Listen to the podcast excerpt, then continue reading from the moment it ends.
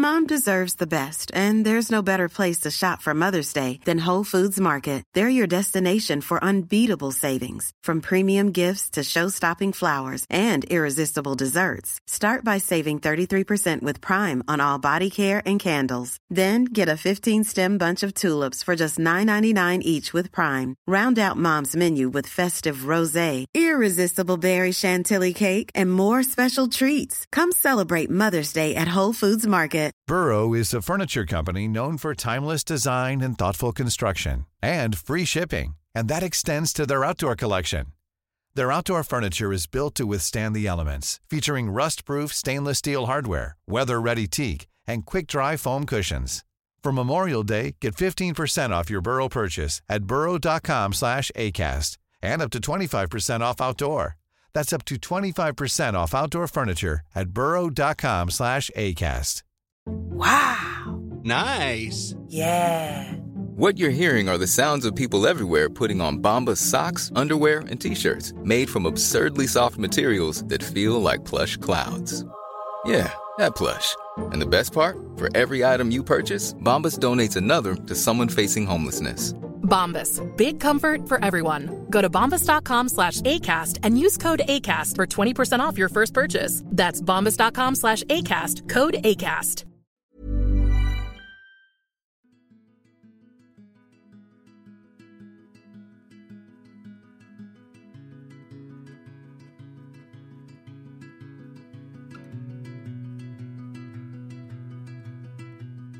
Hej och varmt välkomna till podden Sorgsnack. Det här är en podd som berör allt som har med sorg och svåra förluster att göra. När livet inte blev som vi hade tänkt, när något oväntat händer och hela ens liv vänds upp och ner över en dag och när vi tvingas ta farväl av någon vi älskar. Min förhoppning är att genom podden bidra till att hjälpa andra människor ge stöd, utbilda och sprida kunskap och inte minst inge hopp. Jag som gör podden heter Lia Persson, är journalist i grunden och även certifierad handledare i sorgbearbetning. Idén till podden föddes ett år efter att jag förlorade mitt första barn. Det här var början på mitt nya liv. Livet som nybliven mamma och samtidigt änglamamma.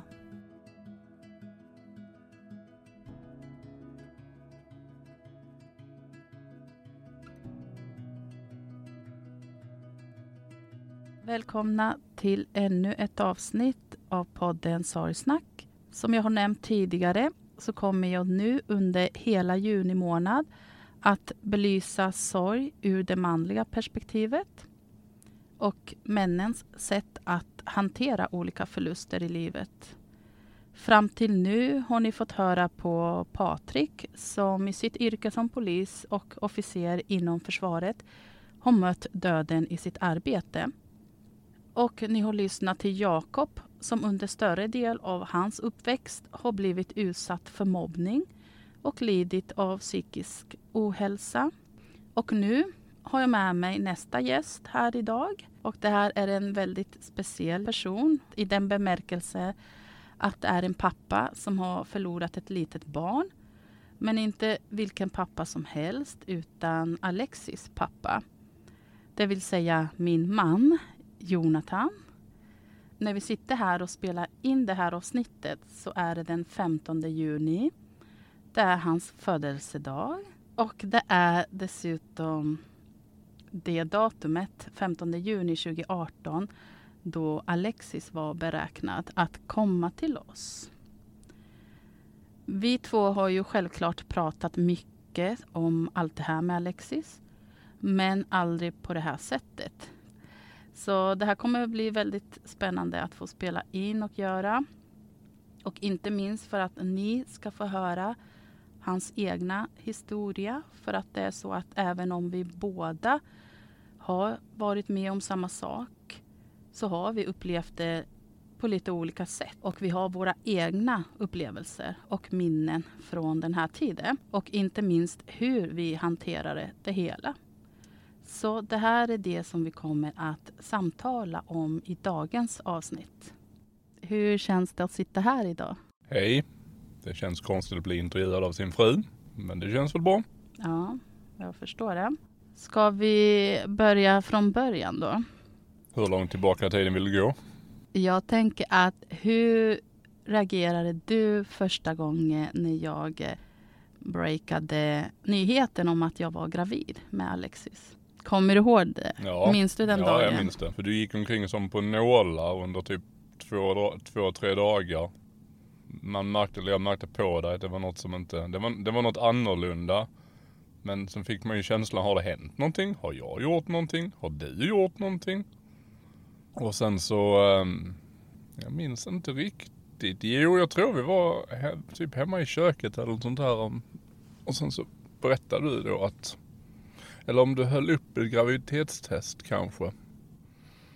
Tror det var så. Jo, så var det. Efter mycket om och men så lyckades jag ju slita ur dig vad det handlar om och då visade du upp ett graviditetstest och berättade att du var gravid. Hur gick dina tankar då? Logistik. Det här ehm, är ju ett nytt kapitel i livet.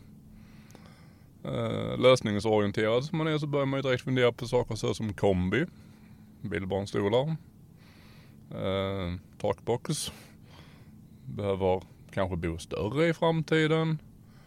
Eh, det var mest, alltså det var mycket praktiska. Jag tror inte riktigt jag kände, alltså började känna efter på ett mer känslomässigt plan överhuvudtaget. Utan i början. Alltså, det var ju roligt givetvis men det var ju man visste inte riktigt hur man skulle förhålla sig till egna känslor med tanke på att man hade känt, känt dem innan. Ungefär så. Sen gick ju tiden Mm. och eh, graviditeten fortlöpte. Mm. Egentligen utan några konstigheter eller så. Ja nej, du gillade citron. Ja. Du åt en helvetes massa citroner gjorde du. Men eh, jag minns då det här var januari 2018 och vi skulle gå på den här rutin ultraljudet som hade blivit förskjutet på grund av att du var iväg på jobb. Mm. Så du hade varit iväg nästan tre veckor. Mm, jag var på väg någon insats där ja. När det här ultraljudet genomfördes så var ju inte i vecka 17 eller 18 som normalt brukar vara utan snarare ja, men 21 plus någonting var det ju. Mm. Mm. Kommer du ihåg den här dagen när vi var hos Ja. barnmorska och fick Mm. första gången då beskedet om Mm, att det, jo, någonting jo, inte jo, stod jo, rätt det till? har etsat sig fast ordentligt. Um, jo, jo, men det var ju i samhället där vi bodde, uh, nere i centrum där, så var vi uppe hos en ganska pratglad tant, vill jag minnas, som snackade en massa innan och under tiden. Och, ja men, undersökte magen med ultraljud. Ultraljudsapparaten så att säga. Och sen så helt plötsligt blev hon tyst.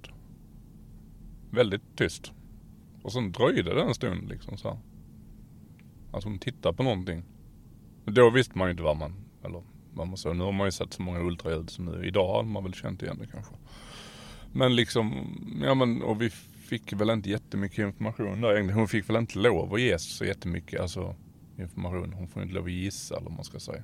Ja, hon, det var väl något som, hon ansåg att det var väl något som inte riktigt såg rätt ut. Och sen så fick vi remiss därifrån till en ultraljudsspecialist inne på Karolinska. Så vill jag minnas att det var. Fostermedicin. Mm, första medicin så heter det. Men hur gick dina tankar och dina känslor när hon sa att hon såg någonting med hjärtat? Eller Mm. snarare att det var någonting som saknas det Ja, där? alltså jag, jag tänkte ju inte riktigt så här, ja men, vad ska man säga, dödlig utgång hela den. Men jag var väl mer så här, eh, betyder det här att han eh, kommer att födas med något form av handikapp kanske? Alltså är det något sånt? Man hade ju aldrig tanken, nej men här finns ju risk för att han dör. Utan det var mer att, jaha, ja, men det här kanske inte riktigt blir som tänkt, men det löser sig. Men visst, det var ju inte alls det man hade förväntat sig. För det var väl samma ultraljud som vi skulle få reda på kön. För det var egentligen det som var det stora. Mm. Och det fick Vi vi, hade ju som också sagt, reda ja det på. fick vi ju reda på. Mm. Vi fick reda på att det var en liten grabb. Men vi hade ju skitit på det just för att jag var iväg på insats då och inte kunde. Jag ville gärna vara med så då hade vi skitit på det. Så det var egentligen därför vi var där. Det var ju såhär, ja ja, men det är klart allting ser bra ut. Så det är ju inga konstigheter så. så att vi ska ju bara få reda på om vi behöver köpa barbiedockor eller eh, bilar. Det var ju lite så, mer än så vi fick reda på. Så tankarna där och då var, jag vet inte, jag gick inte in i något katastrofmode direkt direkt utan det var mer så här att ja men det här, ja jo det här ser väl inte bra ut men allting går ju att lösa. Så det var väl ungefär så tankarna gick då. Man visste ju inte om det heller liksom. Det en helt ny värld. Allting. Jag hade ingen aning om sånt här. Vad hände inne på den här undersökningen hos eh, fostermedicin? Jag börjar säga mitt minne sviker lite på den punkten där. För där, där någonstans började det bli lite grumligt. Men eh, vi fick träffa den manliga läkaren, hjärtspecialist, gissar jag att han var. Och han gjorde... Specialist inom fostermedicin. Ja, det kanske han var. Hur som haver.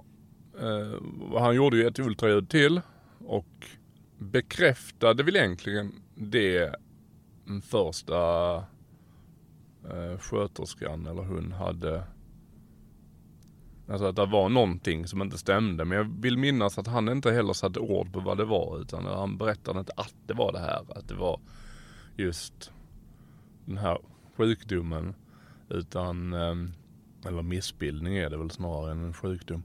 Uh, han bekräftade inte det utan bara att det här det, det inte såg bra ut. Jag tror han, han, han lindade inte ens in det vilket jag tyckte var väldigt skönt. Utan det var så bara, det här är inte bra. Punkt, typ. Väldigt rätt fram på så vis. Och där någonstans så började det väl gå upp för en att jaha det här är ju inte alls bra. Eh, för eh, om det inte finns på det stadiet, eh, det vill säga den ena kammaren inte fanns där då det är inte så att den börjar växa fram lite senare för att den har försovit sig direkt. Utan den, eh, den, är den inte där så är den inte där och då började man inse att det här är ju allvarligt. Var det där vi fick att vi fick typ så 24 timmar på oss om vi skulle bestämma abort eller inte? Eller var det senare?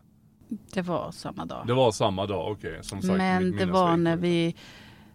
För det här var liksom besök ett Eh, inne på fostermedicin? Inne där, alltså mm. alltså samma dag. Och sen så fick vi direkt, typ två timmar senare, återkomma till sjukhuset för att då besöka barnkardiologen, ja, alltså hjärtspecialistenheten på Karolinska. Ja, ja, ja, ja, vi var tvungna att åka hem och mellanlanda där av någon mm. anledning. Det var kanske inte den världens bästa idé från deras sida. Ja, men det fanns inga tider direkt.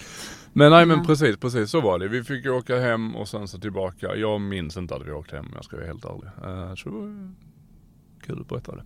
Mm.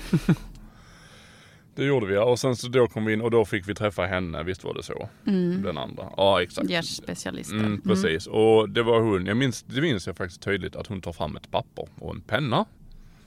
Och ritar upp ett hjärta och liksom gör en kammare och sen gör hon ett kryss på andra sidan. Verkligen så här. För att man ska förstå. Och sen förklarade hon vad det var för åkomma och det HL HLHS. HLHS, hyper... Vänsterkammarhjärtsyndrom Ja, hyper någonting. Svenska. Ja men mm. precis, precis. Hypoplastik. Eh, hur, hur, hur, som haver, saker som borde vara där var inte där. Så, slut. Ja och eh, ja, och hon var också skitbra. Inte alls målade in det och försökte lulla till det med några moln kring det utan var ganska rakt på sak att det här är skitallvarligt, punkt. Det är väldigt få som får det. Och de som får det har väl en överlevnadschans på typ 50-50. För antingen går det eller så går det inte. Och fram till 1996 så var det här en dödlig åkomma i 10 av 10 fall. Men från och med 96 93. och fram, 93, ja 93 kanske var, så uh, har de uh, kunnat operera det och um, då har det liksom, de har överlevt. Men nu är de så pass unga än idag så de vet inte hur länge de kan leva med det för att de som de har opererat har inte så gamla än. Det var väl ungefär den informationen vi fick och där fick vi även i princip, eller vi fick så här, ja antingen så kan vi, ni, göra akut abort. Och då gör vi det i typ imorgon. Eller så väljer ni att fortsätta graviditeten och typ hoppas på det bästa. Så det var ju inte riktigt det man hade tänkt alls. Från att du breakade att du var gravid och man började fundera på kombibilar och takbox och ska jag köpa Barbiedockor eller leksaksbilar till att få reda på om det var en pojke eller flicka. Och det fick vi reda på att det var en pojke. Men där saknas delar i kroppen som borde vara där. Till att vi hamnar där inne på Karolinska hos hjärtspecialisten, hjärtkardiolog. Något Barn, av det. barnkardiolog. ja. Barnkardiologen. Hjärtspecialist. Kärt barn har många namn. Och där då får reda på om vi ska fortsätta graviditeten eller göra abort. Och sen åker vi hem, vill jag minnas. Vad kände du där och då när vi fick det här beskedet? Ja, det var... Vad fan kände jag då? Får man lov att svära på din podcast förresten? Ja, det får man. Det bestämde jag precis. Ehm, Ja. det får man. Tack. För det kan man ju göra. Uh, ja, ja, men då var det ju verkligen upp och ner. Bara, det är inte så här det ska gå till. Man har ju liksom vänner som har barn och då har det gått hur bra som helst. Uh, och sen så fick vi liksom det här beskedet. Eller tvungna att ta det här beslutet menar jag. Men alltså vi var väl ganska samsynkade där redan från början att abort är ju, det ger ju inte han en chans. Utan han ska ju verkligen få, han ska få chansen att, att överleva liksom. Vi ska, mamma och pappa ska inte vara egoister och bara tänka på sig själva och göra det, ta den enkla vägen ut. Och om det är någon som blir upprörd för att jag uttrycker mig på det viset så skiter jag i vilket. Men det är verkligen så jag ser på det. Att hade vi bestämt oss för att eh, göra abort där så hade det blivit, eh, hade blivit eh, egoistiskt från vår sida. Så då valde vi att fortsätta graviditeten. Och hoppas på det bästa. Sen rullade väl egentligen på. Alltså ja, vi var ju inne på barnkardiologen många gånger. Jag vet, ja, ja, jag minns inte hur många gånger, men många gånger. Vi var stamkunder där inne på Karolinska. De var jävla proffs var de. Ja, sen ja, flertalet besök som sagt. Ja, det, och det blev ju inte bättre med tiden. Det blev väl snarare sämre med tiden. Eller så. här. Det växte inte fram någon kammare. Men med tanke på att han låg i din mage och som är världens bästa, mammas mage är världens bästa kuvös. Så där mådde han ju hur bra som helst. Och, Men vi bestämde oss då för att fortsätta och då fick vi ju också mer information om hur det hela skulle gå till. Efter vi hade fått informationen så förstod man varför. För att de gav ju ultimatumet i principen. Akut abort nu. Eh, det här har aldrig hänt. Gå vidare eller låt graviditeten ha sin gång och sen får vi se hur det blir sen. Det de inte ville, de ville ju inte påverka oss eller pusha oss i någon specifik riktning om att för vi, vi ställde ju frågan så här, ja men om vi säger att vi vill gå vidare, vad sker då? Eller vad kommer då hända? Och då sa de ju bara, den informationen kommer ni få när, det, ni, när och om ni tar det beslutet. Hade vi tagit beslut om abort så hade de ju inte berättat för oss att det här och det här kommer att hända och ni kanske kan, eller han kan bli opererad och så vidare och så vidare. Utan då fick vi ju den informationen efter vi hade tagit beslutet. Satte de sig ner med oss och liksom la upp en ganska detaljerad plan om hur det kommer att se ut fram till det så att forskningen skulle bli av. Och då var ju, ironiskt nog, eh, den var ju beräknad till eh, min födelsedag den 15 juni. Så då skulle vi ju få komma till, eller vi skulle gå på flertalet eh, undersökningar, Karolinska Stockholm. Och sen så skulle vi bli förflyttade till Östra sjukhus. Östra sjukhuset i Göteborg, Drottning Silvias barnsjukhus. Vi fick välja mellan Lund eller Göteborg. Eh, Och trots min dialekt så har jag inga kopplingar till Lund. Medans min fru, trots sin dialekt, har kopplingar till Göteborg. Eh, Så då blev det Göteborg. Och vi fick även, det minns jag, vi fick även reda på det att om vi, för vi skulle åka ner till Göteborg två veckor innan beräknad Nej, förlossning. en månad ish. Eller nej, Nej. ja, innan beräknad förlossning, just det. precis. Minst två veckor Minst innan två sa de. veckor innan Mm. beräknad förlossning. Så det blev precis början av juni. Ja, Ja. skulle vi få åka ner. Och om han nu mot förmodan hade lite bråttom, då skulle de faktiskt luftlandsätta oss nere i Göteborg med ambulanshelikopter från Karolinska. Jag vet att de pratade om det. Då kommer ni bli flyga ner. På gott och ont så behövde vi inte göra det. Så det blir tyvärr ingen helikoptertur, om får säga så. Så det var, det var den planen vi fick och vi var även att, ja men, fick hotellrum, vistelsen där nere, boende, betalad.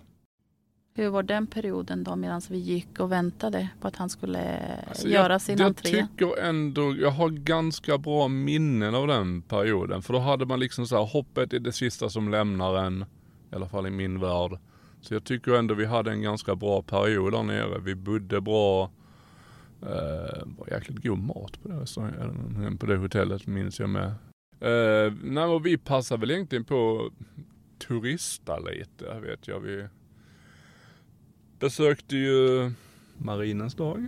Så det var, nej alltså själva den perioden där nere fram till dess att vi blev inlagda var ganska trivsam skulle jag vilja säga ändå. Nej men sen hade man ju allt det andra i bakhuvudet men jag tyckte ändå man försökte liksom pressa det lite bakåt. Nu är vi här, vi kan inte göra någonting åt det, nu är det bara att vänta som gäller. Och då är det, nu kan vi göra det bästa av tiden helt enkelt. Mm. Och det gjorde vi med. Tills det blev den Ja, men vi fortsatte och gick på Ja, ja, ja, Undersökningar vi var nere på Östra sjukhuset var vi precis. ganska så- många faktiskt Ja. kontroller. Ja, sen, ja, sen gick ju tiden. Eller ja, till dagen efter. Sen blev det den... Det var på morgonen den 21. Vi blev in den 20. och Det var klockan sju, halv åtta på morgonen. Och sen tog de honom direkt och sprang iväg och la han... För så här var det. Under hela tiden vi gick på alla undersökningar så fick vi alltid höra att det är svårt att se på ultraljuden exakt eh, ja, men så här, hur illa det är. Vi kommer att behöva göra ultraljud på honom när han kommer ut. Eh, för inte nog med att ultraljudet ska tränga igenom din kropp, den ska ju tränga igenom hans lilla kropp med. Och, eh, allting är väldigt, väldigt, väldigt litet. Så trots att teknologin är så bra som den är så är det ändå inte tillräckligt. För att de ska kunna se ordentligt. Så det sa de ju att då var de tvungna att göra en, eh, ett ultraljud på honom. Så direkt när han kom ut så tog de ju honom till ett annat rum. Och gjorde ultraljud på honom direkt. Till skillnad från det man ser, eller som det är annars, att man lägger upp dem på mammas bröst direkt. Så nu var det ju bara iväg på en liten minibår. Men hon sprang iväg med honom. Men det här var vi ju varken du eller jag beredda Nej, på. nej, nej, nej, eller nej, införstådda med att det skulle gå till på det Nej, sättet. nej, nej, nej. Nu var det verkligen att någon Det bara var ingen som sa det till oss. norpade åt sig honom och drog. Och jag var på jag typ tog löpet efter. Vad såg du då? När du Eh, sprang efter? Ja, i och med att de sprang in i ett, ett rum med massa medicinsk utrustning. Placerade honom. Skrek han?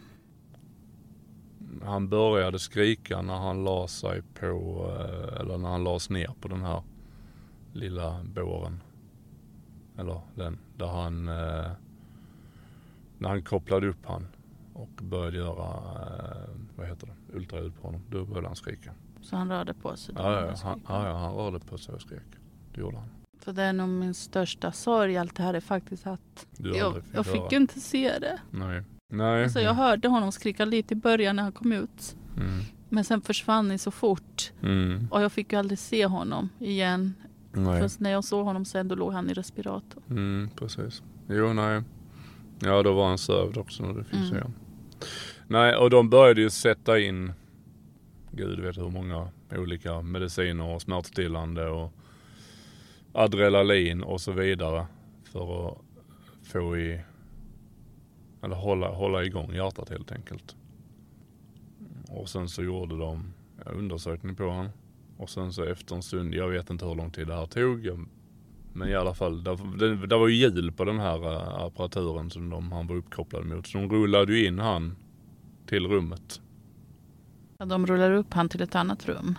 Eller menar du? För han kom aldrig tillbaka till det rummet Nej, vi var. vi förflyttade. var vi så som var fick- det, så var det. Vi, För att jag minns att han sen- lades på IVA för barn. Så var det och sen så blev vi förflyttade dit. Och där låg han ju i sin lilla ja, men respirator. Med alla dessa mediciner.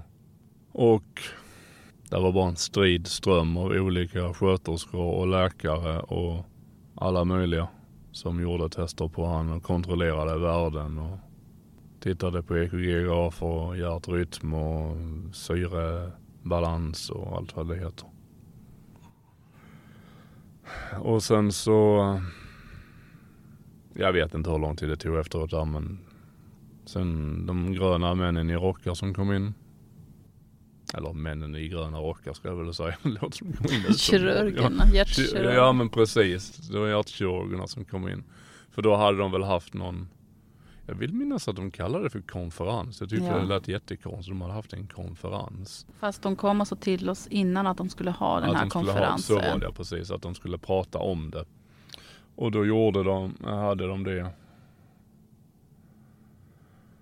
Och sen kom de in och när alla fyra kommer in med bistra miner, eh, fyra herrar, då visste man ju liksom vad som komma skulle. Det var ju, de hade inte behövt säga någonting. De hade kunnat gå in, och titta på och gå ut därifrån igen. Det hade räckt. Men då var ju då vi fick, eh, fick beslutet helt enkelt, eller beskedet om att det, de kan inte göra någonting. För att han var så fin på utsidan men han var så trasig på insidan. För att kroppen är ju tyvärr intelligent. Och om den inte behöver någonting så kommer inte den utveckla det. Och i hans fall så var det ju aortan bland annat. Med tanke på att det inte pumpades lika mycket blod som det skulle gjort om han hade varit hel eller hjärtat varit helt. Så var inte den fullt utvecklad. Och sen fattades där Lungvener. lungvenor precis med tanke på där inte hade pumpats blod. Så de fattades också. Och när allt detta Alltså de kan, de kan mycket. De, de kan nästan till trolla men de kan inte tillverka ett nytt innandöme på ett spädbarn. Och montera dit allt som fattas.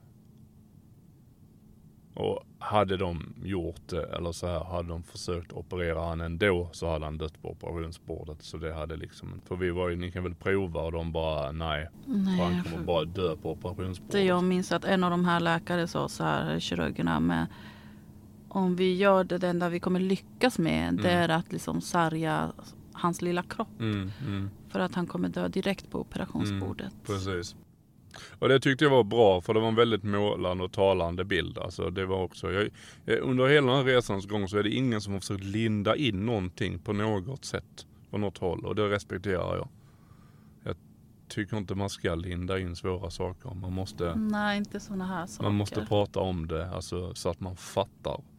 Och det ska vara tydligt och han var tydlig Mm. så att man fattade och det, det respekterar jag han för.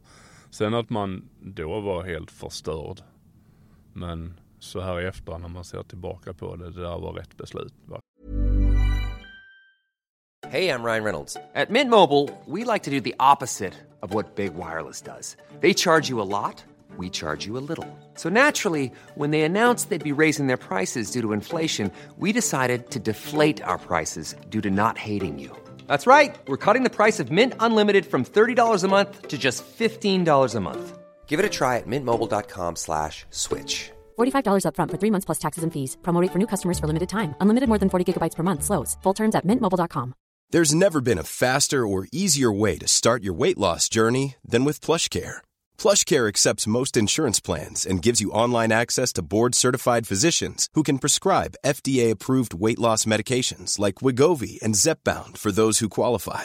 Take charge of your health and speak with a board-certified physician about a weight loss plan that's right for you. Get started today at plushcare.com slash weight loss. That's plushcare.com slash weight loss. plushcare.com slash weight loss.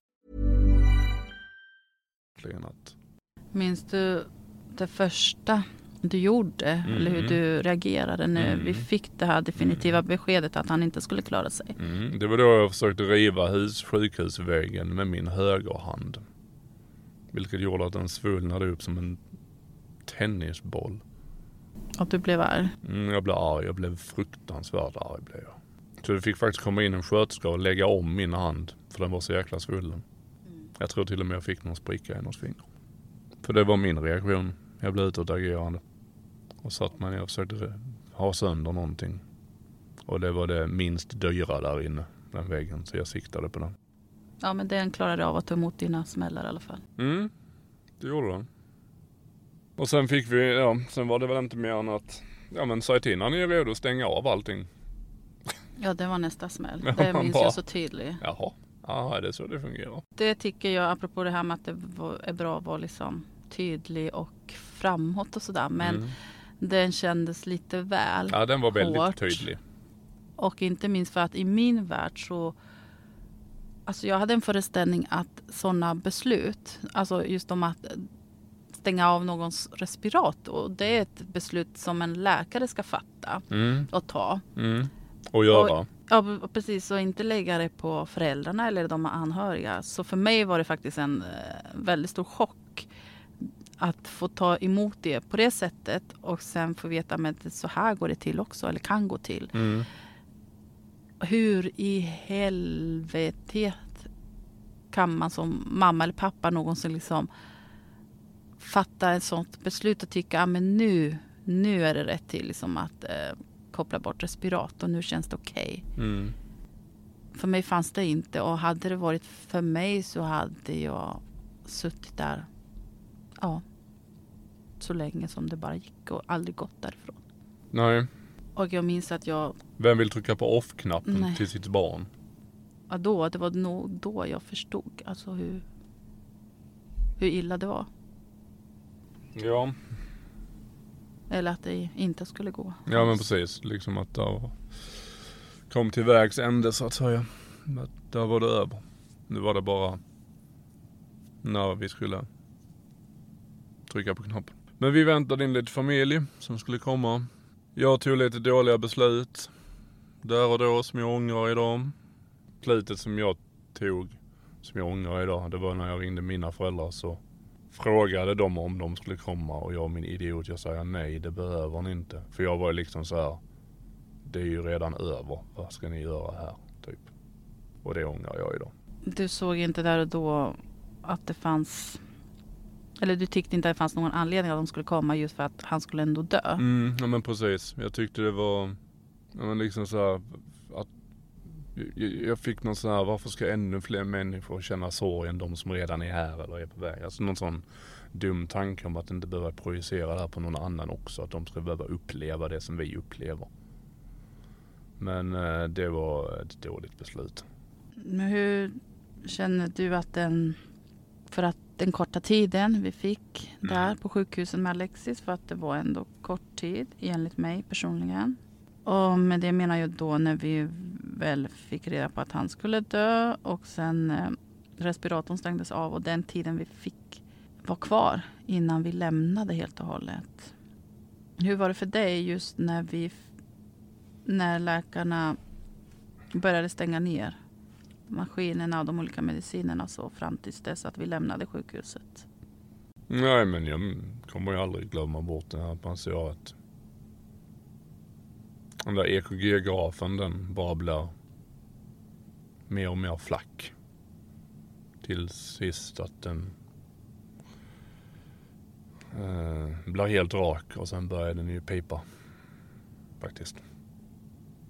Vilket jag bara trodde att de gjorde på film, men det gör Mm. de faktiskt. De börjar faktiskt pipa när hjärtstillestånd in, alltså Ja. när hjärtat slutar slå som en varningssignal. Mm. Så den synen och det ljudet det kommer jag aldrig glömma. Och sen ryckte han till en liten sista gång och sen så var det över. ja, den bilden kan jag, kommer jag i alla fall aldrig glömma. Nej. Sen han döptes där inne. Där kom någon. Ja, vi hann ju för sig Press. döpa honom. Vi hade nöddop precis innan. Innan det här hände ju döptes han ja. Mm. För mig var det självklart. Jag vet inte hur kände du? Var det lika självklart för dig? Jag som inte är uppväxt religiöst överhuvudtaget. Jag har, hade väl egentligen ingen, jag la ingen direkt värdering i det överhuvudtaget mer än att vill du det så är det klart vi ska göra så. Det känns Mm. bättre för dig. Typ. Nej men för mig var det en självklarhet. Precis. För dig var det en självklarhet och vem jag säga emot där? Alltså så här, nog för att jag inte är Jag religiös här, religiöst upp, Nu kommer han att dö. Och jag kände så starkt att om det, om det här är det sista jag kan ge honom. Mm. Gåvan att få komma till himlen och döpas och känna att eh, Gud tar emot honom där uppe. Mm. Tills vi ses igen. Så det kändes ju viktigt för mig. Precis. Sen oavsett om man tänker att det är himlen eller vart nu nu är. Dit man kommer efter det här livet. Jordelivet. Men för mig att tänka i de banorna så hjälpte det ändå. Mm. Och det kändes framförallt fint att få, få göra det ja, sista liksom kärlekshandling. Mm, mm. Och som sagt, vem är jag att säga nej i det läget bara för att jag inte råkar ha en religiös bakgrund eller ha en, religiös, en, en religion som jag tror på på ett eller annat vis. Så det var ju, det var ju självklart när du ville det. Det är klart vi ska göra det. Men sen när han dog och vi var kvar i det här rummet och vi fick ändå liksom vara kvar och, och sköta om honom lite. Alltså tvätta han, byta kläder, välja kläder. Vi ville han skulle vara kvar. Och få spendera lite mer tid med han. Hur tyckte du att den tiden var när han hade redan tagit sitt sista andetag och de hade dödsförklarat honom? Hur tyckte du att det stödet vi fick Alltså, det gick- sjukhuset var och den tiden vi hade där efter innan Ja. vi lämnade? Alltså det gick väldigt fort allting där det gjorde det ju. Och sen så fick vi ja, men åka tillbaka till hotellet samma kväll. Och sa ja men ni kan komma tillbaka imorgon till ja, men bårhuset. Eh, innan han då ska transporteras till Stockholm. Så det gick jäkligt snabbt därefter, gjorde det. Och ja, det kan man väl tycka vad man vill om det kanske gick lite väl snabbt. Men sen kan jag, jag ser som, ska jag bara se det ur sjukhusets synvinkel med så är det liksom så här. Därför finns inget annat vi kan göra. Så. Så jag kan tycka att det fanns väldigt mycket annat de kunde ha gjort annorlunda. Och det är lite här våra upplevelser skiljer sig lite. Och det har vi ju pratat om Mm. innan också vet jag. Mm. Hur jag har liksom känt, hur jag har Mm. upplevt det gentemot hur du upplever det. För det kanske var mer så ändå som du var inne på nu. Men vad hade de mer kunnat göra? Han var redan död. Och du kände att vi kan, han är ju inte här längre, nu går vi. Medan jag var mer att framförallt efteråt, när Mm. jag har nu Mm. Fått höra så många andra historier och berättelser hur det har gått till på andra sjukhus och hur andra föräldrar har gjort. Mm. Hur mycket tid de har fått, till och med fått tagit med sig barnet hem eller fått vara kvar på sjukhuset i flera dagar med barnet fast Ja. det är dött. Att för mig kände jag mig wow, det hade jag ingen aning om ens om att, alltså för mig kändes som mamma, alla mina rättigheter togs ifrån mig. Jag kunde inte bestämma över, över mitt barn längre fast det var ju fortfarande mitt barn fast han var död. Så jag hade önskat och sett att vi hade blivit bemötta på ett helt annat sätt eller fått de här Mm. möjligheterna att få vara kvar längre, få stanna på sjukhuset en eller två dagar till med honom. Just för att kunna skapa minnen, hinna liksom ta flera bilder, alltså bara kunna känna att jag är mamma. Jag har faktiskt precis blivit mamma och nu ska de ta ifrån mitt barn. Det är ju inte, för, för mig är det så här, det är inte rätt. Ingen ska få ta ett barn från sin mamma. Mm. Eh, så jag känner, och det här har jag också tagit upp med dig många gånger, att Mhm. jag känner att det, att det är en stor sorg att det blev så som det blev. Ja. Hur känner du? Och där tycker jag ju tvärt emot. Mm. Faktiskt. Vi är ganska li- För att, Eller vi är inte alls lika egentligen. Jag höll på säga vi är lika. Inte det är vi inte överhuvudtaget. Men, vi tycker inte i ganska den lika. aspekten. Vi tycker ganska lika i många saker. Men i den aspekten så hade jag inte velat det. det Varför då? Framf framförallt inte det här ta hem som du har berättat om. Det kan jag ju tycka är lite morbid rent ut sagt ju. Alltså det hade jag, nej. Nej. Absolut inte. Mm. Nej men det är helt okej att tycka Mm. olika också. Ja, ja just så är det. Så är det Ja, nej, där hade jag satt Vi är ju alla foten. olika som personer. Mm. Jag tyckte det var tillräckligt. Det vi fick. Sen, alltså jag, jag hör vad du säger. jag, jag, jag, jag förstår vad du menar. Men för mig med så... tillräckligt så tänker jag att du menar den tiden när han väl var död. När han hade Ja, dött. ja, alltså. Fram till att vi lämnade sjukhuset. Ja. Inte tillräckligt att vi bara fick liksom 11 timmar Nej, med nej, honom nej, blev. för, nej, för helvete. Den tiden. Jag ville bara förtydliga Ja, det. ja, nej, nej. Mm. Klart jag hade. Hade han levt, det är ju givetvis en helt annan sak. Men nu gjorde han ju inte det. Mm, nej. Och då var det så här, ska vi, ska jag utsätta i det fallet ska du, du hade ju velat det men jag kände ju bara, ska jag Mm. utsätta mig för det själv? Ska jag sitta och hålla någon som jag inte får någon reaktion tillbaka? Ska jag klappa någon på huvudet som inte kommer känna det? Ska jag kittla någon på magen som inte kommer röra på sig? Aldrig Nej, i ja, livet. mm. Aldrig i livet. Så ja, det var fullt tillräckligt. Det var nästan för lång tid efter han hade dött. Jag minns inte exakt hur länge vi var kvar men det var... Ja, men han dog vid 19.30 Ja, vi lämnade. och vi lämnade till vid 22-tiden. Ja, precis. Mm.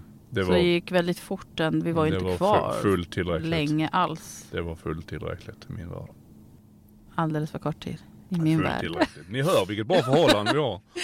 Men vi kan vara överens om att vi inte är överens Ja, om precis. den saken i alla fall. Det kan vi verkligen. Agree Mm. to disagree, det håller jag med om. Mm. Och det är helt okej. Men ehm, ja, men vi blev ändå kvar i Göteborg. Längre än vad vi hade tänkt oss. Mm. Ska vi se, dagen efter så fick vi åka till bårhuset. Mm, då fick vi komma tillbaka och ta ett så här, sista förvärv. Då hade de, då låg han inne på bår. Eh, Ja, men sånt här rum som där man tar sista farväl. Det är kanske är fel Nej. ordval men eh, sista Ja, farväl. fel. Men jag minns inte exakt vad det heter. Avslutnings, någonting, någonting. I alla fall, där var vi, där låg han. Den lilla grabben. Han var så fin. Och det var så Han var ju en tungt. stor pojke. Det var han. 52 centimeter och vägde 3,6 kilo. Så Mm. han var ju ja, stor. Och det där var ju förbannat tungt. Ja nej det där minns jag mest som var helt overkligt. Och då har jag sett döda kroppar innan. I mitt yrke ska tilläggas. Ja, du hade ju det. Men jag hade Nej. inte det. Det här var liksom första gången. Precis. Och det var mitt eget kött och blod. Mm. Men som sagt jag har ju sett döda kroppar tidigare men det här var ju en helt annan sak. Mm. Ja, Du hade ju varit son. på besök hos um, rättsmedicin ja, Mm. genom ditt jobb. Ja, Mm. precis. Men eh, det här var ju helt annorlunda. Och eh, Ja, nu säger vi så här lite mystisk genom ditt jobb. Men då jobbade, vi kan bara nämna att du jobbade då inom försvaret. Försvarsmakten. Ja, inom Försvarsmakten jobbade jag. Ehm, sen minns jag inte riktigt. Vad gjorde vi när vi var kvar? Vi var ju kvar i, för det här var det 21 juni. Så han föddes och dog sen på kvällen och sen lämnade vi Göteborg, vill jag minnas, den 27 juni. Var vi kvar 26 där nere eller i 27. sex dagar? Ja men typ, det Vad var här gjorde fem, vi sex den dagar. tiden? Och det är också en dimma. Jag minns att vi kom vi tillbaka. försökte sova. Ja, jag minns bara att vi kom tillbaka till hotellrummet. Mm. Och jag stoppade i mig de här Sömn- sömntabletterna. ja, precis. ja, Fick för vi fick ju lämna. Det vi fick när vi lämnade sjukhuset det var liksom en liten burk med två Piller i. piller i. Mm. Som du fick ta emot. Och Mm. de bad dig att du skulle ge dem Ge till dem mig. till dig, ja precis. när vi kom till hotellet. Sova, precis. Ja. Och jag Eh, ville ju egentligen inte ta Nej, där. så jag, men jag tyckte men- nog att det var en bra idé. Och det var nog en bra idé också. Men så har man sett tillbaka på det. Men jag minns knappt också vad vi gjorde kommande fem, sex dagar som det var blev. vi kvar så länge? Varför Ja. var vi det? För att vi väntade på att Alexi skulle transporteras Så Stockholm. var det. Du ville inte lämna Göteborg förrän han Utan också honom. lämnade Göteborg. Mm. Så var det. Så vi kom överens om att då lämnar vi samtidigt som Mm. han. Och så vi skulle gick väl och väntade bara på det beslutet. Helt Mm. enkelt. Mm. Och, Och när det dagarna ske. direkt efter så visste de ju inte när det skulle ske. Nej, Transporten. Precis. Och där och så dröjde det några dagar sen när vi fick reda ja, men då, jag tror att det var den 27 juni faktiskt. När de sa med den 27 juni klockan åtta. mm. Typ åtta, kvart över åtta. Så kommer transporten gå, Fonus kommer och hämtar honom. Och så kommer transporten att gå till eh, Stockholm. Mm, till våra Och då-. Och då bestämde vi oss att ja, men då kör vi hem då också. Mm. med honom. För att vi hade också möjlighet att stanna kvar på hotellet som tur. Mm. Så länge som vi behövde det egentligen. Eller ville stanna kvar. Vad vi gjorde de dagarna, fråga mig inte. Jag har inte en aning. Jag kommer inte ihåg. Min... Nej. Och vi hade ju med oss Balder. Vår ena hund. Mm. Så vi var ju såklart med honom. Och det Ja. var ju tur att han var med. För att det minns jag var det som gjorde att vi överhuvudtaget tog oss ut de här korta ja, men- promenaderna Precis. med honom. Var ju tvungen att ut och röra på sig för att han behövde röra på sig. Ja, och vår lilla Balder. Så förlorar ni barn, skaffa hund. Eller en, ja, Ha en hund sen innan. har ni hund sedan innan så är det ju Ta med bara den. ovärderligt. Mm, det är bara Ja. Och apropå det. När det här sänds det här avsnittet. Mm. Som jag nämnde tidigare så spelar vi in det. Idag är det den 15 juni. Mm. Det här avsnittet kommer att släppas fredag den 23 juni. Och det kommer också vara väldigt tung dag. För då ska vi avliva Balder. För han är gammal och sjuk. Ja, och det är inte bara så att vi ska, att det var ett lätt beslut. Och Gud, Gud vet hur länge jag har dragit på det. Nu fick reda på förra året redan då att han var sjuk. Eller att det... Tumör på mjälten.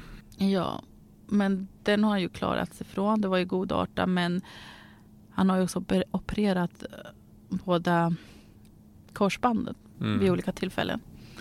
Så hans bakre del så att säga, den har ju nu i princip gett upp. Mm. Han har inga muskler kvar. Nej, så han får ju Han knappt gå knappt nu. gå. Så det är dags. Är det. Och det gör så fruktansvärt ont. Men Mm. för han var ju som sagt den som gjorde att åtminstone jag, framförallt jag, eh, kunde klara av det här lite bättre med allt med Alexis när det hände. Att det var tur att vi hade honom där vid, vid vår sida. Mm. Helt ärligt så vet jag inte hur jag hade klarat av den perioden utan honom. Nej, hundar är bra. De är bra på att lyssna. De ställer inga dumma frågor. De bara finns där för en. Ovillkorlig kärlek. Mhm. På ett sätt som, ja det går inte att beskriva. Nej. Det måste man uppleva själv. Mm. Men ni som har hundar eller andra djur för den delen vet Mm. ju Vet hur det hur den kärleken kan se ut också. Mm. Men, Men hur nu- som helst, Nu är det dags att ta det, det jobbigaste men också det viktigaste beslutet du kan ta som hundägare. så när ni lyssnar på det här så kommer det att släppa som sagt, det är ju midsommar den 23 juni. Mm. Eh, ännu en jäkla midsommar. För exakt fem år sedan så var ju den 21 juni midsommar när Alexis dog. Mm. Faktiskt. Mm. Ehm, men ni kommer lyssna på det här då och då kommer vi befinna oss på Danderyds djursjukhus med Balder för att ta farväl av han. Mm. Och ja, vi kommer vara där hela dagen. I princip. Alltså hans sista dag. Mm. Mm. Och ta den tid ja, vi behöver med honom. Ja. Så det kommer vara ja, väldigt tufft såklart. Men det är skitjobbigt att tänka på det. Mm. Det är det verkligen. Men det ni måste göras. Jag går sönder. Ja. Det är inte lätt att släppa taget. Nej, nej, absolut inte. Men det måste göras. Som sagt, det viktigaste och det svåraste beslutet man kan ta som hundägare. Mm. Eller djurägare ska jag väl säga. Och det här blir ju liksom första gången för mig ju. Mm. Du har ju haft hund under hela din uppväxt. Mm, mer eller mindre ja. Balder var ju och är min första Mm. egna hund. Mm. Och sen kom du in i bilden när han var tre år. Mm. Och han, ska säga, han har ju precis fyllt 12 år nu Mm. den 6 juni som var. Så det är ändå många år också som du har fått med honom. Ja, ja verkligen. Men som sagt för mig kanske känns lite mer just det här att jag har sett honom. Ja, ja, ja. Från en det- liten, liten valp som han var. Första gången jag fick träffa han var fyra veckor gammal. Och sen hämtade, hon, så hämtade jag honom när han var knappt åtta veckor. Så han har liksom alltid funnits där. Mm. Och betyder så mycket, inte minst på grund av allt det här när vi gick igenom det här med Alexis. Mm. Att ha honom vid min sida. Vi kunde inte riktigt finnas där för varandra på det Nej, sättet. helt alltså omöjligt. direkt det är helt efter. omöjligt att finnas där för varandra när, när båda två går igenom någonting som man inte När vet vi hur man ska båda var hantera. helt förkrossade. Ja, och man vet inte hur man ska hantera det heller. Men vi tog oss igenom ändå den perioden. Jag tror Och det. jag, frå- jag frågade mig faktiskt så i början många gånger undrar om vi kommer klara av det här. För att det är ju klart att förhållanden kan ju spricka. Mm. Saker händer, man tycker olika, man liksom sorger på olika sätt. Vilket vi också har gjort i och för sig. Mm. Apropå att sörja det här sorg ur det manliga perspektivet. För vi har ju ändå hanterat det lite olika. Även om vi har Det kunnat vi mötas påstå, ja. i sorgen också. Det är klart vi har gjort det. Annars hade det här förhållandet inte hållit. Men vi har också kunnat ge liksom varandra space och så utrymme att få vara som man behöver vara. Precis, ingen har sagt till den ena att den gör fel på ett eller annat vis. Eller gör Nej. sorg på det här viset. Men hur skulle du känna att, eller säga att du har hanterat sorgen? Ja, inte skitbra om jag ska titta tillbaks på tiden om jag ska vara helt ärlig. Alltså idag mår jag ju bra så sett. Men eh, Men det finns ju inget facit. Det nej, är ju det nej, nej. Men jag testar väl den mer ehm, destruktiva sättet kanske. Jag tänkte säga den manliga approachen men för all del den destruktiva Okej. sättet. Nej då, men det är Eh, du som... det är mer traditionellt manligt, det vill säga att man dricker Ja. whisky och håller käften. Och tänker att känslor, det ska vi inte prata om. Det placerar vi i en liten, liten låda någonstans långt, långt in i sinnet. Mm. Och sen så låser vi den dörren, så knäcker vi nyckeln i låset. Och eh, sen häller vi upp ett stadigt glas bourbon. Och så sen, blir det bra igen. och så blir det bra igen. Så Mm. är det. För det är så det fungerar. Blev det så då? Eh, Till början ja. Mm. Men med tiden, nej. Framförallt inte när drickandet ökar och man börjar fundera på det och den enda gången som man känner att man mår hyfsat det är när man har druckit för att det har bedövat känslorna på en. Mm. Så kort sikt så kändes det ju ganska bra. Fast jag ska säga många av de här gångerna så känd, såg inte jag det här heller faktiskt. För att det skedde ju när jag sov. Ja, jag passade ju på att göra det när Lea hade gått och lagt sig. Och jag du skämdes, framför antar jag. Mm, men ja men precis. och spelade. Ja, jag flydde in i en annan värld bokstavligen. Drack väldigt mycket den tiden. Höll på ett par månaders tid innan jag insåg att det här är inte hållbart alls överhuvudtaget. Pratade inte egentligen med någon. Eller folk visste ju om det. Gjorde de ju, så man fick lite kramar Men och... framförallt kanske för att jag var så öppen. Ja, och men- delade med mig av det sociala medier. Mm, på precis. Facebook. Exakt. Så man fick ju inte lugn och ro en enda gång. På gott och ont. Nej, men det var mitt sätt att hantera det. Att just att skriva och prata om det. Och Precis. dela Och, med det, mig var, och det, hade det är mitt sätt idag. Men det var inte mitt sätt då. Så jag var ganska irriterad på min kära fru. För att hon var så jävla öppen med det. Jag tyckte det var jobbigt. Du tyckte det var onödigt? Jag att tyckte det det inte var tjänade till extremt onödigt med tanke på det som har hänt, har hänt och kommer inte tillbaka. Och det kan inte göras ogjort på något sätt. Och jag vet att vi hade ganska många tjafs om, ja men tänk om vi hade gjort så här istället. Du Mm. försökte, Mm. eller du försökte inte ska jag säga, men jag känner, eller så här, du, du skyllde på dig själv. Till en början, ja. Ja. Hade jag inte gjort X så hade detta inte hänt. Ja, men det var lite på grund av min sjukdom också. Hade den Mm, medicinen precis. som jag tog under den här perioden som Mm. jag inte visste att jag var gravid, vilket var liksom ändå två månader. Mm. Där jag tog min medicin för min hypofys som Mm. jag tror faktiskt att jag har nämnt här i podden tidigare också. Mm. Eh, hypofysen. Det är en godartad tumör som sitter i hjärnan. Men den kan påverka vissa funktioner ändå och påverka liksom, mm, Mm. ja, Men hormonerna i kroppen. ska ju tilläggas här nu också att läkarna har varit väldigt tydliga med att nej, ni har inte gjort någonting som har kunnat orsaka det här. Mm, nej, Jag hade ju till och med, den, jag tror det var den första läkaren som undersökte Lea första gången som jag frågade någon gång bara vad beror det här på? Är det ärftligt? För att liksom han, han uttryckte sig faktiskt, nej. Tänk dig att det är en glitch, är en glitch i Matrix. Det bara kan ske. Vi vet inte varför. Det har ingenting med er att göra. Det bara är så. Mm. Vilket är ett lätt frustrerande svar från någon som mig som har lite kontrollbehov. Men eh, ja, det är ju vad det är. Men eh, i alla fall under sorgetiden där så. Ja, vi behandlar ju det olika som sagt. Jag försökte mig på tystnad Mm. och tänkte att det var det bästa sättet att bara kväva det, ta bort det och söka återgå till någon form av normal vardag. Och min kära fru hon tyckte att hela världen skulle få reda på det via sociala medier vilket jag tyckte var väldigt enerverande. Ja, men jag kände också stort behov av att hitta andra mammor som också Mm, hade förlorat mm, ett litet precis. barn. Vilket jag också gjorde och jag är så tacksam idag för att jag hittade de här olika grupperna. Men Ja, jag minns det- att du tyckte att det var så jobbigt när jag bara liksom berättade om andra som... Det tycker jag faktiskt fortfarande. ja, Ja men helt ärligt, det Mm. tycker du. Mm, det tycker Mm. jag faktiskt fortfarande. Jag vill inte höra om andras tragedier.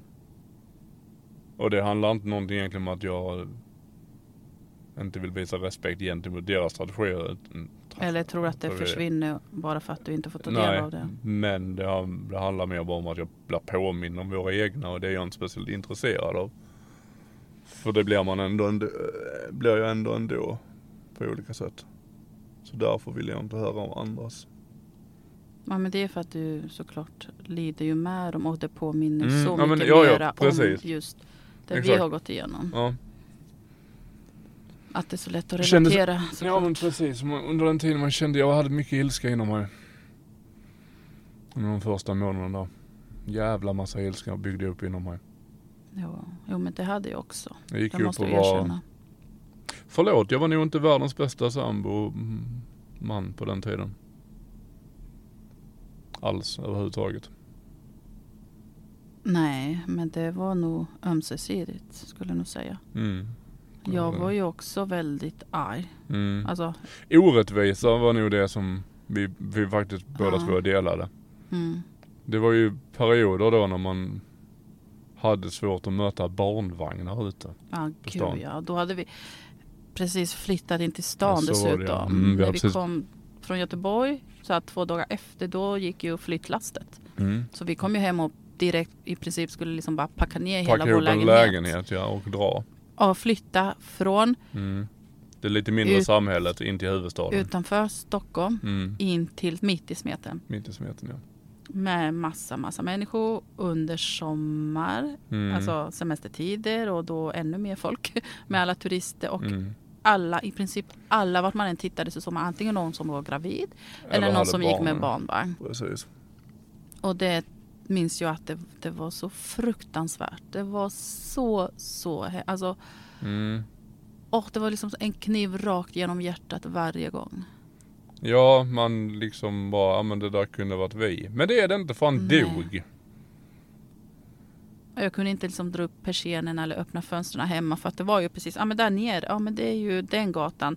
Eh, Mm. Korsningen mot den här andra jäkla stora gatan mitt Mm. inne i stan. Där alla människor passerar i princip. Mm. Eh, Och för er som inte är så Stockholm-orienterade så är det Sveavägen vi pratar om. ja, Vasastan. Mm. Åh gud, ah, nej men det hade faktiskt, jag hade sett fram emot det här och flytta in till stan men då var det så här Mm. tankarna med att eh, komma hem med Alexis och få börja vårt nya liv med honom där inne. Precis. Nu blev det att vi kom hem, började ett nytt liv utan honom. Och det var ju inte riktigt rätt. Ja. Men det var samtidigt skönt. Med tanke på att det har satt mycket känslor i väggarna i gamla lägenheten som Ja, vi det också. hade. Så det var skönt på sitt sätt men det... Ja, det kom lite hastigt då. Gjorde det minst sagt. Ja, sen gick tiden. Man försökte återgå till någon form av vardag. Återgå till jobb. Hur var det att komma tillbaka till jobbet? Det var faktiskt skönt. För då kunde man sysselsätta tankarna på någonting annat. Än att gå och tycka synd om sig själv. Det här var bara ungefär två månader Mm, efter. två månader om inte jag minns fel. Ja, något sånt. Nej, det var faktiskt bra. Som sagt, gå runt och tycka synd om sig själv, det blir inte, gör ingenting bättre. Så det var bara att börja arbeta igen. Så det var faktiskt skönt. Fast jag tänker så här, du ser det som att det är att tycka synd om sig själv. Mm. Vilket inte jag gör. För jag tänker Nej. så här, det är att du ger dig själv liksom utrymme och möjlighet att få bearbeta sorgen. Vilket är ett eh, friskt sätt att liksom hantera det. Att det är bara bra och positivt. Till skillnad från mitt ofriska sätt att se på det. Nej, men till skillnad det från det, från det sättet du ser det och målar upp det för dig själv. Jag tror, Mm. tänk, jag, snarare så här, jag tycker att du är för hård mot dig själv när du säger så. Ja men det vet jag att jag är. Men det kommer jag alltid onödigt, För vara. att det är inte heller någon som ställer några orimliga krav på dig själv. Jo, förutom jag. du. Mm, ja, ja, men det är det problemet ligger i. Mm. Alltså, Ja, ja, det, vilket det, jag också försökt säga till dig så många gånger. Men gör inte så, tänk inte så. För det är, du, det är bara du själv som sätter de här orimliga krav eller sätt att tänka på. Det är ju ingen annan som gör det. För det, jag tror nog inte att av alla de här som du mötte när du kom tillbaka till ditt jobb eller dina chefer eller dina närmaste kollegor. Så här, jag tror inte att någon av dem egentligen förväntade sig något speciellt av dig eller att du skulle fungera liksom fullt ut 100 procent. Eller att du Eh, överhuvudtaget där- skulle där- må Där bra. ska vi faktiskt lägga in en liten passus till eh, den enhet inom Försvarsmakten som jag jobbade på. Där fick jag ett våldsamt bra stöd fick jag. Alltså det var verkligen helt suveränt. Jag minns att jag till och med, ja det var ju, det var på sjukhuset. Jag tror det var, jag vet inte om det, nej det var innan. Nej det var efter han hade dött och jag hade stängt av respiratorn på sjukhuset. Då ringde jag faktiskt min chef. Och liksom Jag minns att jag sa att det gick åt helvete. Och det var det. Och sen sa jag faktiskt Jag vet inte riktigt när jag kommer börja jobba igen. Vilket jag minns att han blev ganska irriterad på mig och bara Skit i arbetet nu. Återgå till din familj. Jobbet finns kvar när du vill vilja komma tillbaka. Och sen typ klick.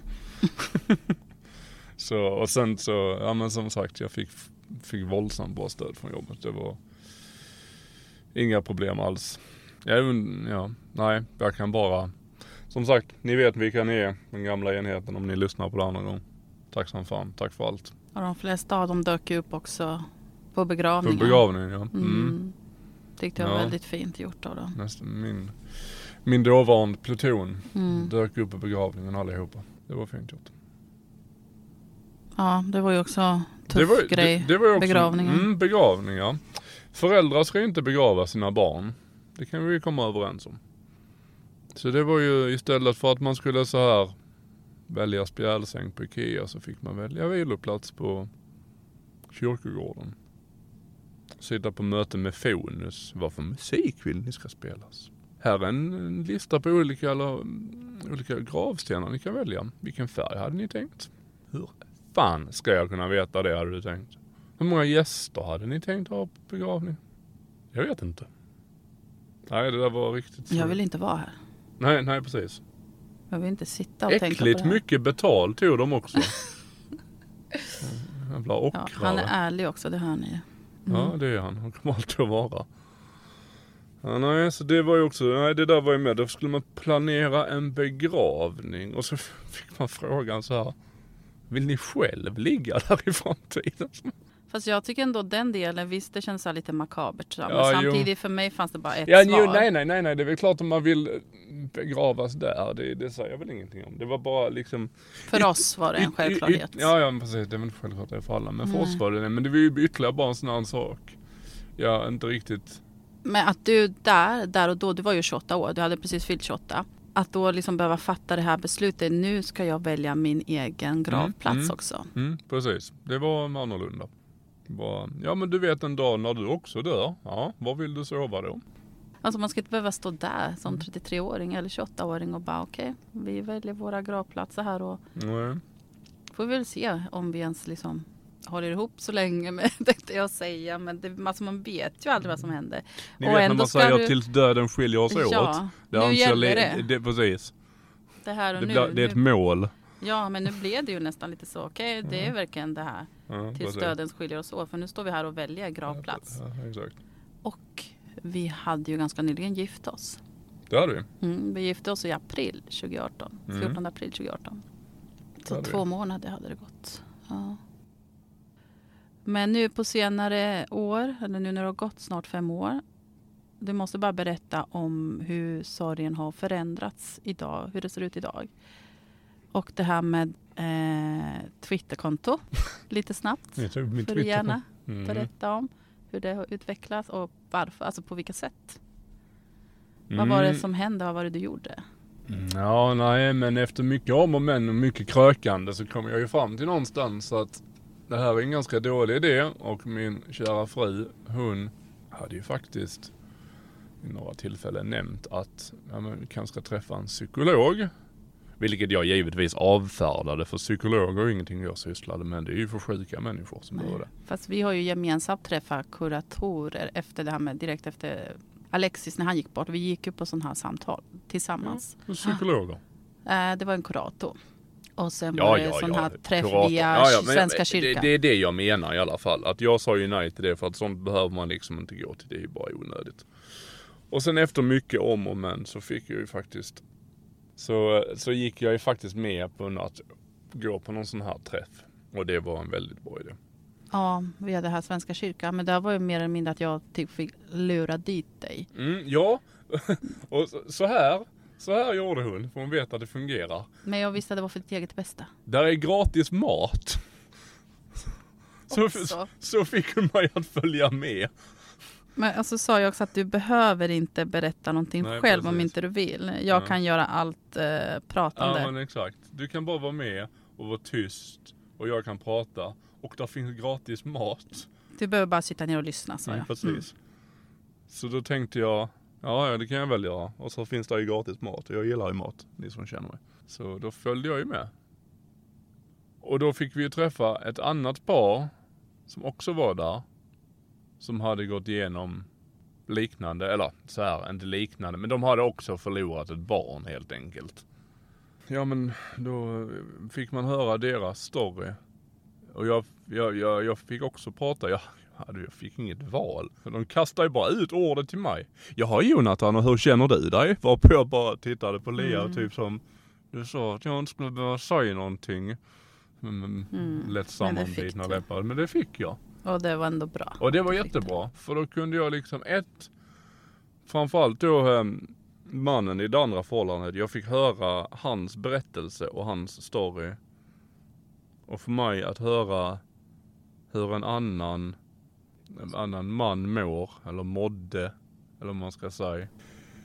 Det är inte bara jag som mår på det här sättet alltså. Det finns fler där ute. Nej, och ni två var ju likadana på den punkten. Ja men precis. Ingen av er ville vara där och Nej. hade blivit lurad Mm, dit precis. i princip Så och vi ville var inte ju, prata. precis, ingen av oss var intresserad av att vara där överhuvudtaget. Och då, eh, då klickade vi faktiskt där. Och sen så blev det fler, eh, ja det blev ju ett par träffar till. Blev det. Och det var väldigt bra faktiskt. Det var extremt bra. Bara få, det kändes som det var en, eh, en tyngd som lättades på mina axlar där. Jag slutade dricka faktiskt där i den perioden men. Sen drack jag inte en droppe på många, många månader. Jag skrev en Twitter-tråd om, ja, om, om Alexis. Liksom. Mm, och Men lite jag om så här psykisk ohälsa. Och psykisk ohälsa, att det är bra och liksom så här min upplevelse. Och jag, jag, jag skrev den lite som en, vad ska man säga, om man, om man hade sett på det utifrån. Och så avslutade jag Twitter-tråden med eh, något i stil med och, jag- och jag är pappan. Eller något sånt där. Mm. Alltså det var du själv som var avsändare Ja, det var jag som var eh, avsändare. Och sen så skrev jag det även liksom. huvudpersoner i det hela. Ja men exakt. Och så skrev jag typ att ja men om det är någon som vill prata om det, eh, alltså så här, män, så fan hör av er. Och sen tog den spinn. Oh, ja. ordentligt. Mm. På Twitter. Och där Och någonstans Så, så... och där någonstans, jag ska tilläggas först att det var faktiskt flera stycken som hörde av sig. För många okända män som, eh, eh, som hörde av sig i DM till mig och liksom vissa bara så här, jag skiter fullständigt i om du läser det jag skriver, men det är skönt att ha någon att skriva till. Eh, Man fick deras story berättad för sig liksom. Så det var flera stycken som hörde av sig. Det, var, ja, det kändes bra ändå på något sätt och man kanske kan hjälpa till. Men även Göteborgs-Posten hörde av sig, GP Debatt, och frågade då om jag var intresserad av att skriva en debattartikel på ämnet manlig Mm. psykisk ohälsa. Till själva tidningen då? Till tidningen Mm. Göteborgs-Posten, debattsidan. Och, för jag vet att i tråden, eller Twitter-tråden så uttryckte jag bland annat eh, jag höll käften och drack whisky. Och det tyckte de var väldigt träffande och frågade om jag kunde behålla den. Så jag, Mm. jag hade Och den. det hade de ju som rubrik också. Mm, det blev headline i GP-debatten och Mm. bild på ett whiskyglas faktiskt som inte Mm. jag hade tagit. Som någon annan hade tagit. Så ehm, Men en bild på dig också. ja, en bild på mig också. Men, ehm, nej, men så det kändes ändå bra. Fick ut ordet, eh, tror jag ändå. Det var många som hörde av sig att de, att de uppskattade det. Och många än idag som lite då pö om pö läser den. Den finns ju där ute. Eh, och liksom så här, ja men tack för att du delar med dig. Det känns skönt och att det är Mm. fler än jag, eller vad man ska säga, som Mm. drabbat. Så vill ni följa mig så heter jag Rovdjuret på Twitter. Rovdjuret. Spännande namn. Skriver om allt möjligt. Så förvänta er inget bra content för det är högt och lågt där inne. Men eh, som sagt, jag brukar då och då prata om psyk, manlig psykisk ohälsa. Men tanke på att jag själv har varit där nere och vänt så vill jag inte att någon annan ska behöva vara det. Och om någon annan är där nere så eh, vill jag kunna hjälpa till med det jag kan. Och nu den 21 är det ju fem år sedan. Hur känns det inför femårsdagen så här lite snabbt innan vi faktiskt Ja. behöver börja Avsluta. runda av? Ja, nej, vad ska man säga? Det är ju samma skit varje år. Vi har ju lite olika syn på sätt på det där också med tid och saker.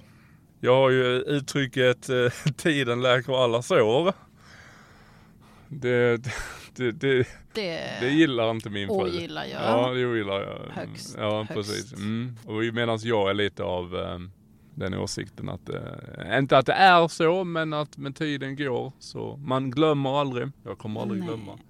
Men eh, det blir enklare med tiden. Men det är fortfarande svårt, lika svårt den 21 varje år. Oaktat hur många år som har gått. Så är det den 21 så är det en pissdag hur, hur man vänder och Mm. vrider på det. Men tiden däremellan tycker jag blir lättare. Eller man ska säga. Men jag föredrar att säga att så här att eh, tiden gör att sorgen ändrar form och att man lär sig att leva med det. Mm, mm, mm. Det är ju det för mig gör det. Ja. Det gör inte att tiden läker alla sorger, men den gör att sorgen ändras och man Mm. lär sig hantera det, man växer med den. Man har ju alltid med sig det som i en liten ryggsäck. Och du växer med den också. Mm, mm, mm. Men den kommer ju aldrig försvinna. Det är Nej, ju nej, såklart så är det. ingenting man kommer glömma bort. Ja, nej, absolut inte. Absolut inte. Ja, Mm, tack för att du ville dela med dig. mm. Tack för att du gör detta. Och vi hade ju kunnat sitta här ännu längre, men vi måste tyvärr avrunda nu på grund av Och eh, tidsbrist. för er som eh, lyssnar på den här podden regelbundet och kanske har hört fler avsnitt och vill att Lia fortsätter med det hon gör. Gå in på Patreon snedstreck sorgsnack och eh, donera gärna en liten slant. För hon lägger ner otroligt mycket tid på kvällar och helger för att driva den här podden själv. Så eh, har ni en slant över och anser att ni kan det kan ge bort den till bättre behövande så gå in på Patreon slash sorgsnack. Tack så mycket älskling. Tack hjärtat. Ska vi hämta barn och äta Ja. smörgåstårta. Och fira din födelsedag. Ja, ja, ja, vi behöver inte prata om att jag blir äldre. 33 år. Ja, det var ett jävla snack. Hur gammal blir du? Snart 40. Ja. Ja, jag upprepar, hon blir snart 40. Åldras med värdighet. Mm. Som Nej, mjölk. det är kul. För varje år man får faktiskt fylla år, det är, det är en gåva. Mm. Mm. Så är det. Så är det. Tack för att du har lyssnat och eh, vill också dela med dig av din berättelse kan du mejla till sorgsnackpodcast@gmail.com. Vi hörs igen nästa fredag. Sköt om er och eh, varandra. Hej då! Hej då!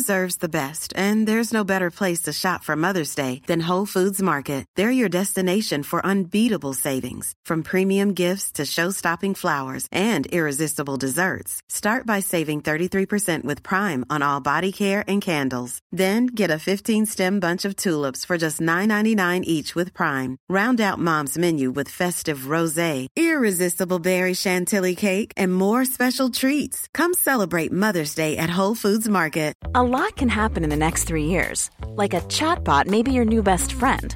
But what won't change? Needing health insurance. United Healthcare Tri Term Medical Plans are available for these changing times. Underwritten by Golden Rule Insurance Company, they offer budget friendly, flexible coverage for people who are in between jobs or missed open enrollment. The plans last nearly three years in some states, with access to a nationwide network of doctors and hospitals. So, for whatever tomorrow brings, United Healthcare Tri Term Medical Plans may be for you. Learn more at uh1.com. When you make decisions for your company, you look for the no brainers. If you have a lot of mailing to do, stamps.com is the ultimate no brainer. Use the Stamps.com mobile app to mail everything you need to keep your business running with up to 89% off USPS and UPS. Make the same no brainer decision as over 1 million other businesses with Stamps.com. Use code PROGRAM for a special offer. That's Stamps.com code PROGRAM.